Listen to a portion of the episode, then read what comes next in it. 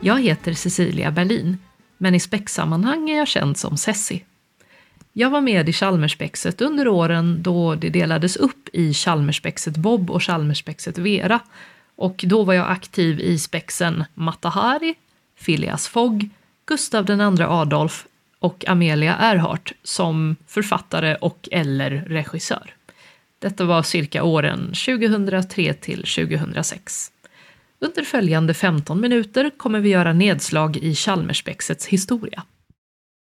Kort faktaruta om spexets historia.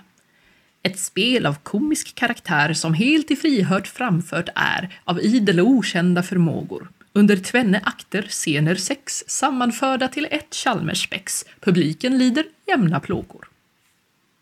Chalmersspexet startade 1948 och har sedan dess producerat minst ett spex per år för och med studenter på Chalmers. Ursprungligen hade spexet som så många andra enbart manlig ensemble på scen. Det ändrades först under 2000-talets början och resulterade i de två syskonspexen, Chalmersspexet Bob och Chalmersspexet Vera, som var verksamma mellan 2003 till 2019. Spexet bygger på Lundaspexets form och använder sig inte av inrop. Däremot så kan musiken tas om på publikens begäran och då kan det hända några överraskningar. Det allra första Chalmerspexet, Bojan, hade premiär på valborgsmässoafton 1948, vilket nu är datumet man räknar som Chalmerspexets födelsedag. Signaturen Minus i Göteborgs Morgonpost den 4 maj 1948 skrev Chalmeristspexet Bojan, premiärframfört på Stenhammarsalens Tiljor på valborgsmässoafton, bjöd på en ganska förbryllande blandning som egentligen skarpt kontrasterade mot gängse begrepp av spex, made in Uppsala eller Lund. Där bjöds till exempel på överraskande soloprestationer av en pianovirtuos och en illusionist. Och det underliga är faktiskt att båda dessa inslag inte föll ur ramen utan accepterades villigt och glatt av en fulltalig och applådlysten publik.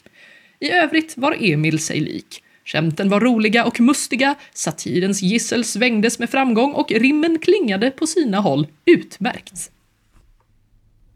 Bojan, säg vill du höra på mig ett litet slag En fråga jag ville göra som tryckt mig mer än en dag Visst skall jag höra frågan Vad vill du mig månntro?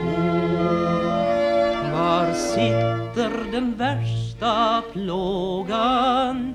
Var klämmer mest din sko? Var klämmer mest din sko? Jag ville bara fråga Kläm bara fram det du Jag ville bara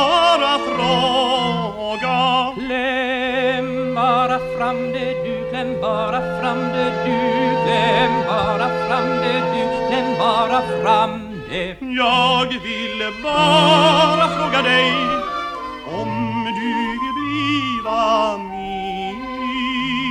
Om jag vill bliva din.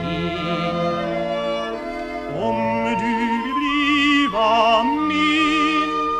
Om jag vill bliva din. Om du vill bliva min. Om jag ville bliva din Om du vill bliva Om jag ville bliva Om din du vill bliva min. Om jag vill bliva din. Om jag vill bliva din. Om jag vill bliva din. Om jag vill bliva din. Vad svarar du?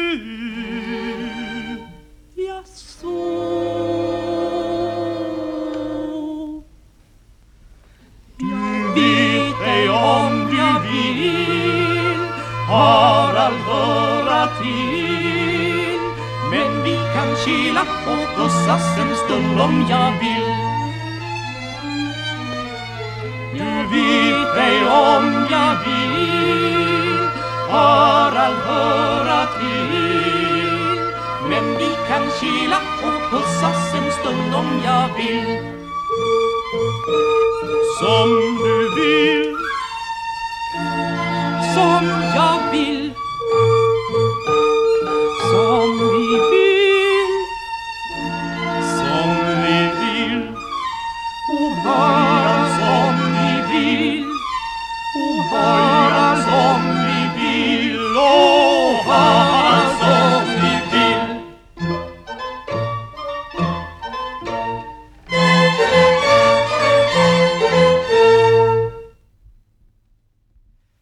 Efter uppdelningen 2003 bildades Chalmerspexet Bob och Chalmerspexet Vera.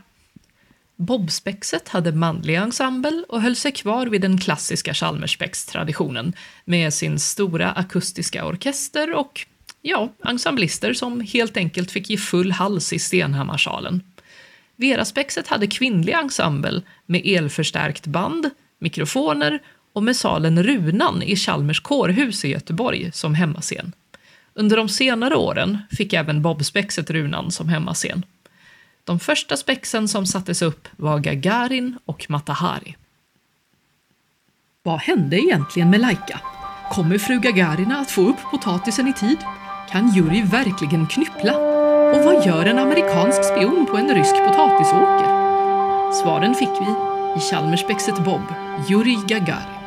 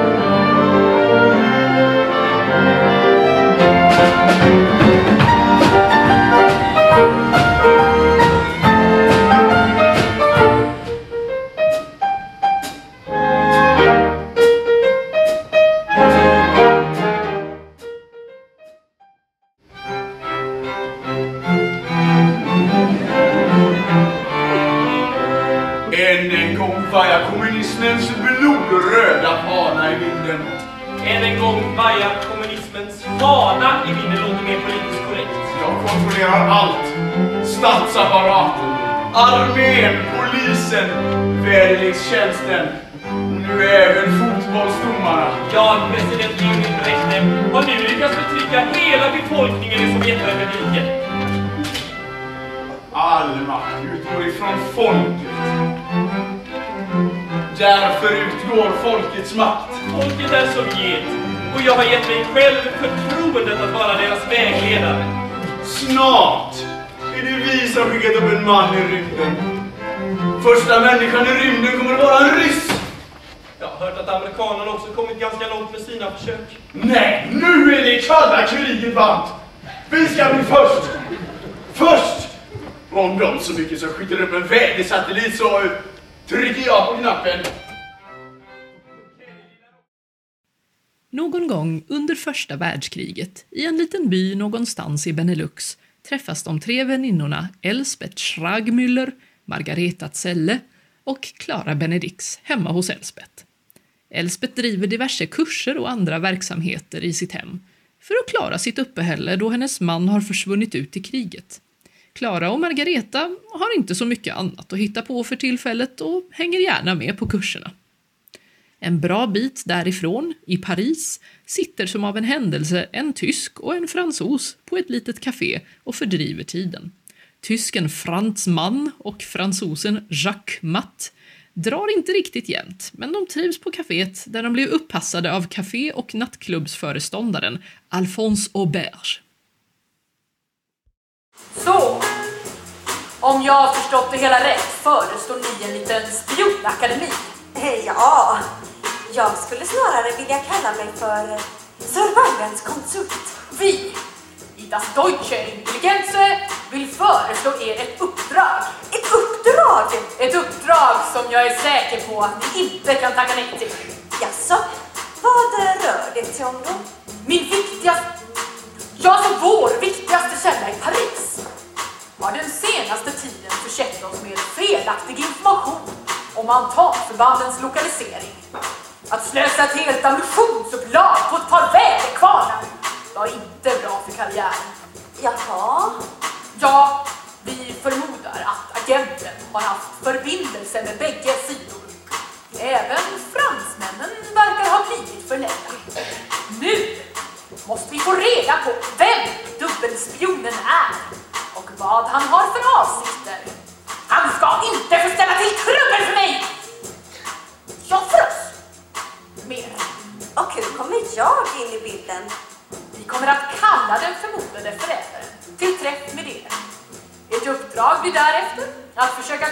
Kartlägga hans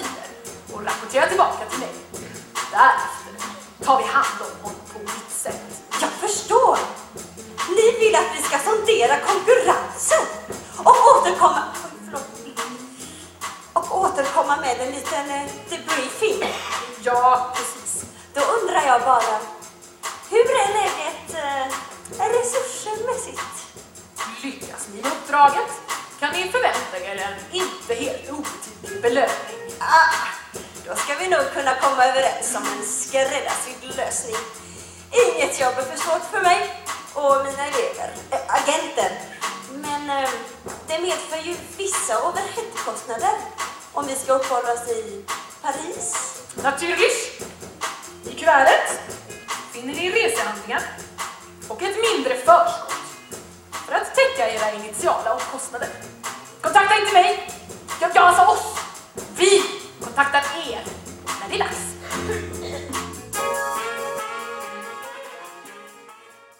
Hörru, du som har klarat den här fingeravtrycksövningen. Hur får jag bort den här trycksvärtan?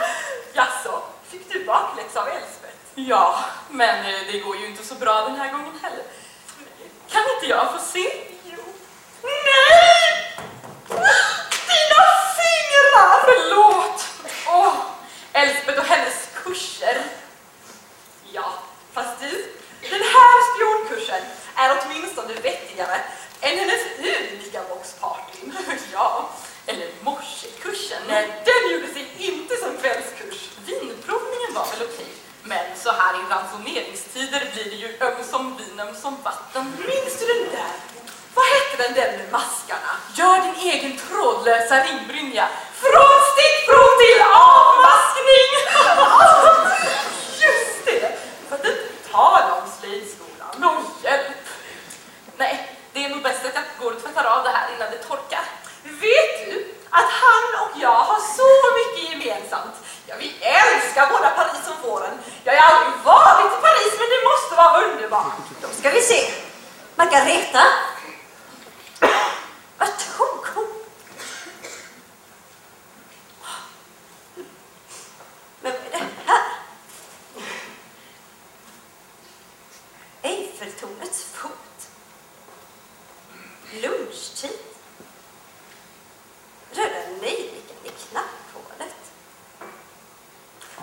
Ah! Kallelsen! Ha! Bonjour Paris! Snart är belöningen min. Fast eh, den behöver flickorna kanske inte få veta så mycket om. Hallå Elsbeth! Vad ser nöjd ut. Nu ska vi få höra flickor. Vi ska iväg på ett uppdrag. Ett Uppdrag. Ett uppdrag. Här kommer ytterligare smakprov på lite mer sentida Chalmerspex. Det hundraåriga kriget är inne på sitt 92 år och England är återigen på frammarsch. Efter att ha erövrat Paris och stora delar av norra Frankrike ligger nu staden Orléans under belägring. Bonddottern Jeanne d'Arc pratar med sina helgonvänner som förklarar att hon måste övertyga kronprinsen att ge henne en armé så att hon kan bryta belägringen och vända stridslyckan. Hur svårt kan det vara? Men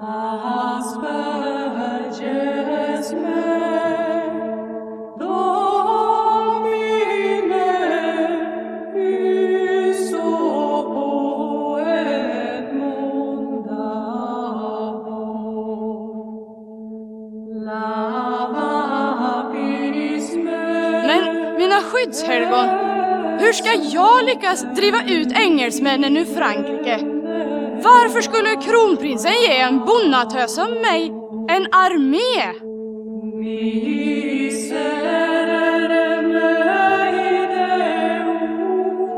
Nej, ni har rätt. Hur svårt kan det vara?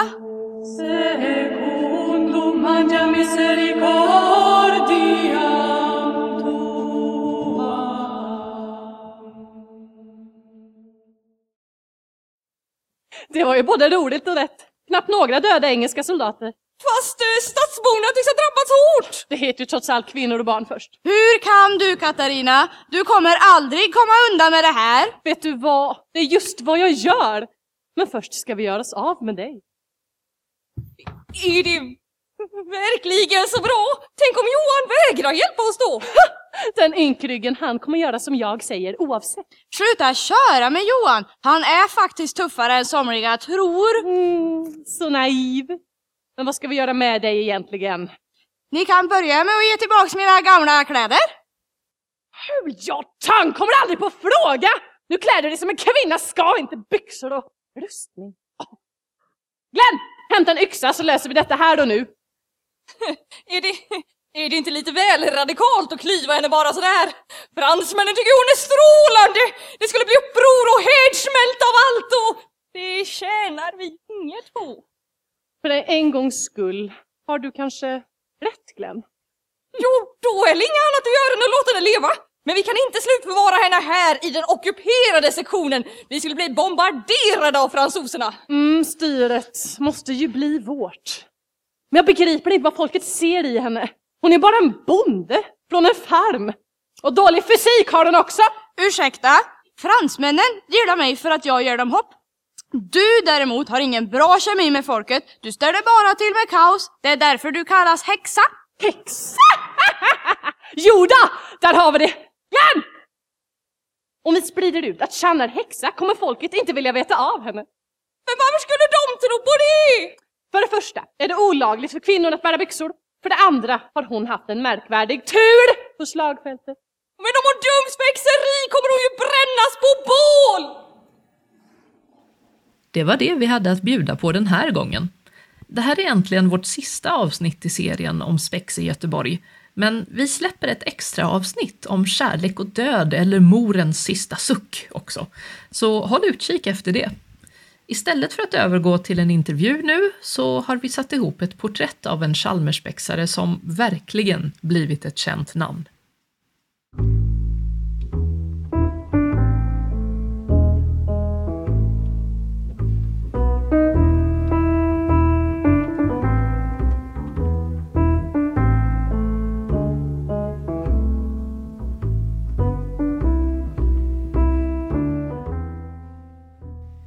Porträtt av Jan Johansson.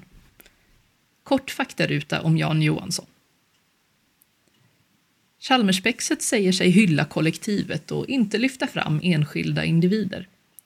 Ändå finns det en uppsjö med individer som har betytt mycket för Chalmerspexet och som själva påverkats mycket av sin spexperiod. Ofta lyfts Per Fritzell fram som Chalmerspexare i olika sammanhang. Och vi förespråkar att Rolf Allan Håkansson borde tillhöra den kategorin också, men då hade det här behövt sändas i bildformat. En annan Chalmerspexare som haft stort inflytande på spexet och där spexet märkbart påverkade individen är Jan Johansson. Jan Johansson var kapellmästare för flera spex, bland annat Henrik den åttonde och Cesarion.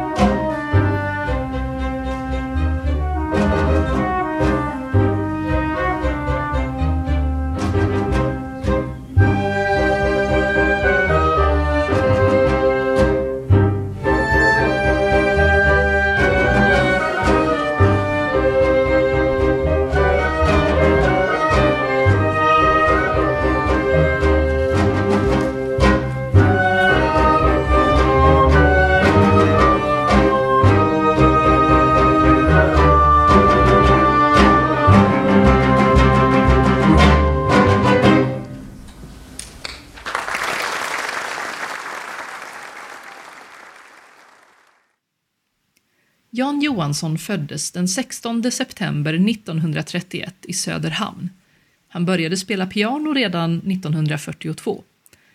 I början av 50-talet flyttade han till Göteborg för att studera till civilingenjör vid Chalmers tekniska högskola.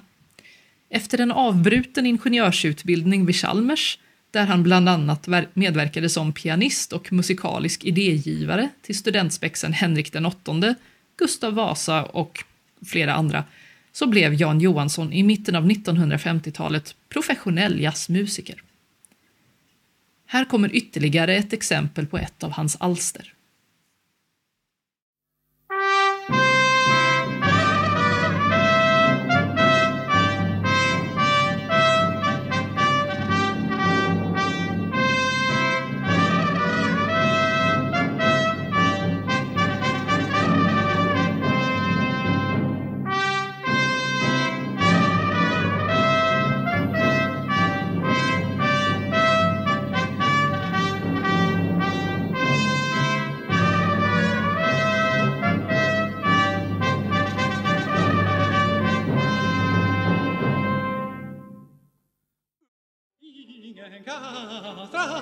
Allt kan vi skaffa, leva i lyx Av guld och siden blir hela sviden och diamanter på alla kanter. Vid hermeliner och goda viner, karaffiner ska jag bli van. För när gemålen fått vad de tål sen och gått ur tiden Då börjar striden för då blir kungen av oss tvungen. Ja, då ska kungen se på fan. Ja, då ska kungen få se på fan. Ja, då ska kungen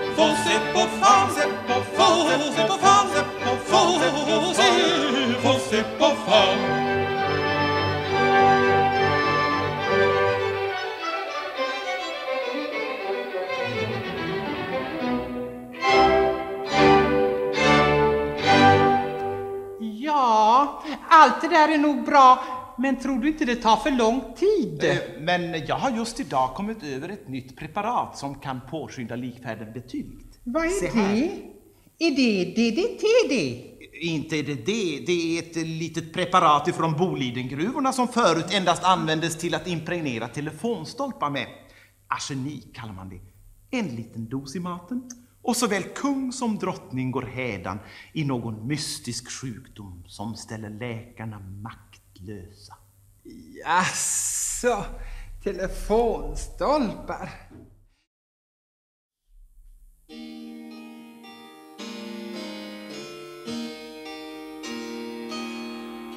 Stackars min, stackars min fru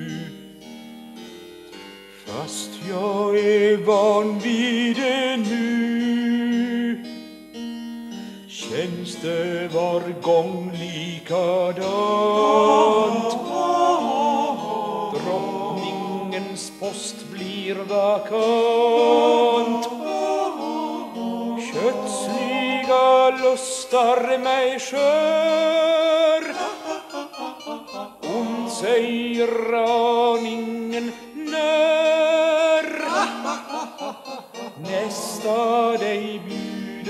bjuder sin famn Nemesis är hennes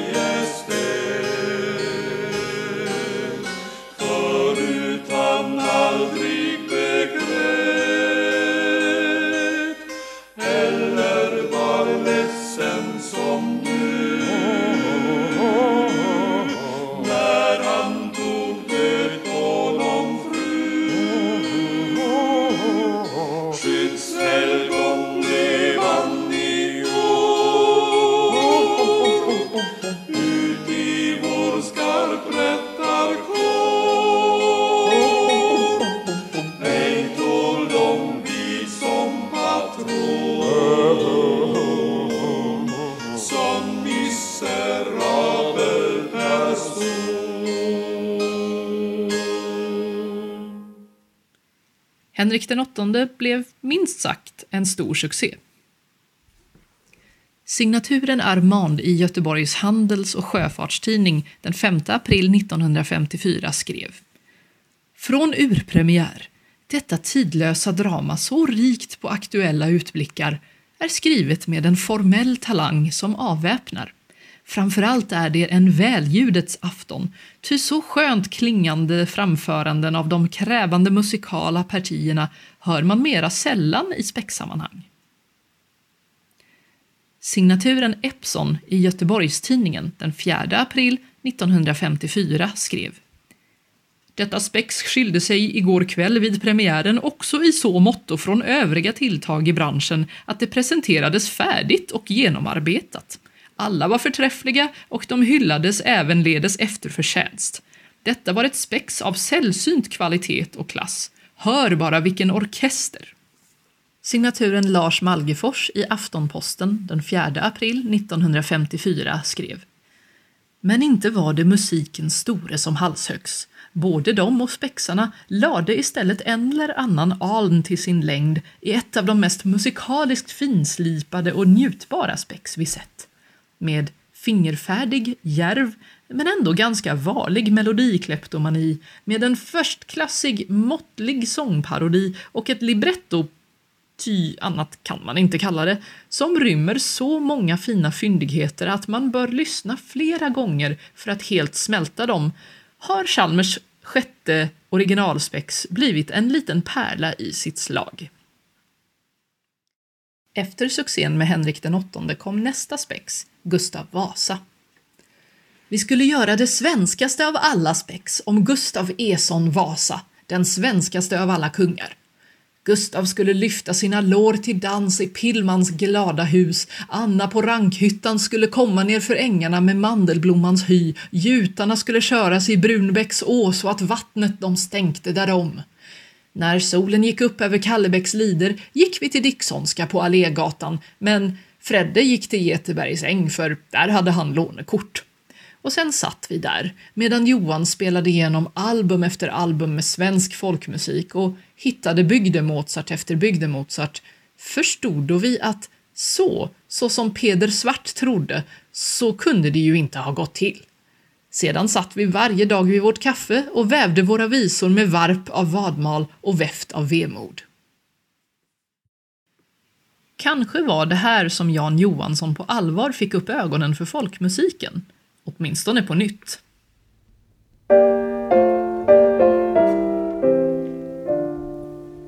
Jag är kommen hit till Mora från Sachsen-Lauenborg mitt hjärta har jag förlorat, jag lider av kärlekssorg. Fast min rikedom och skönhet mig friare kunna ge så vägrar jag bestämt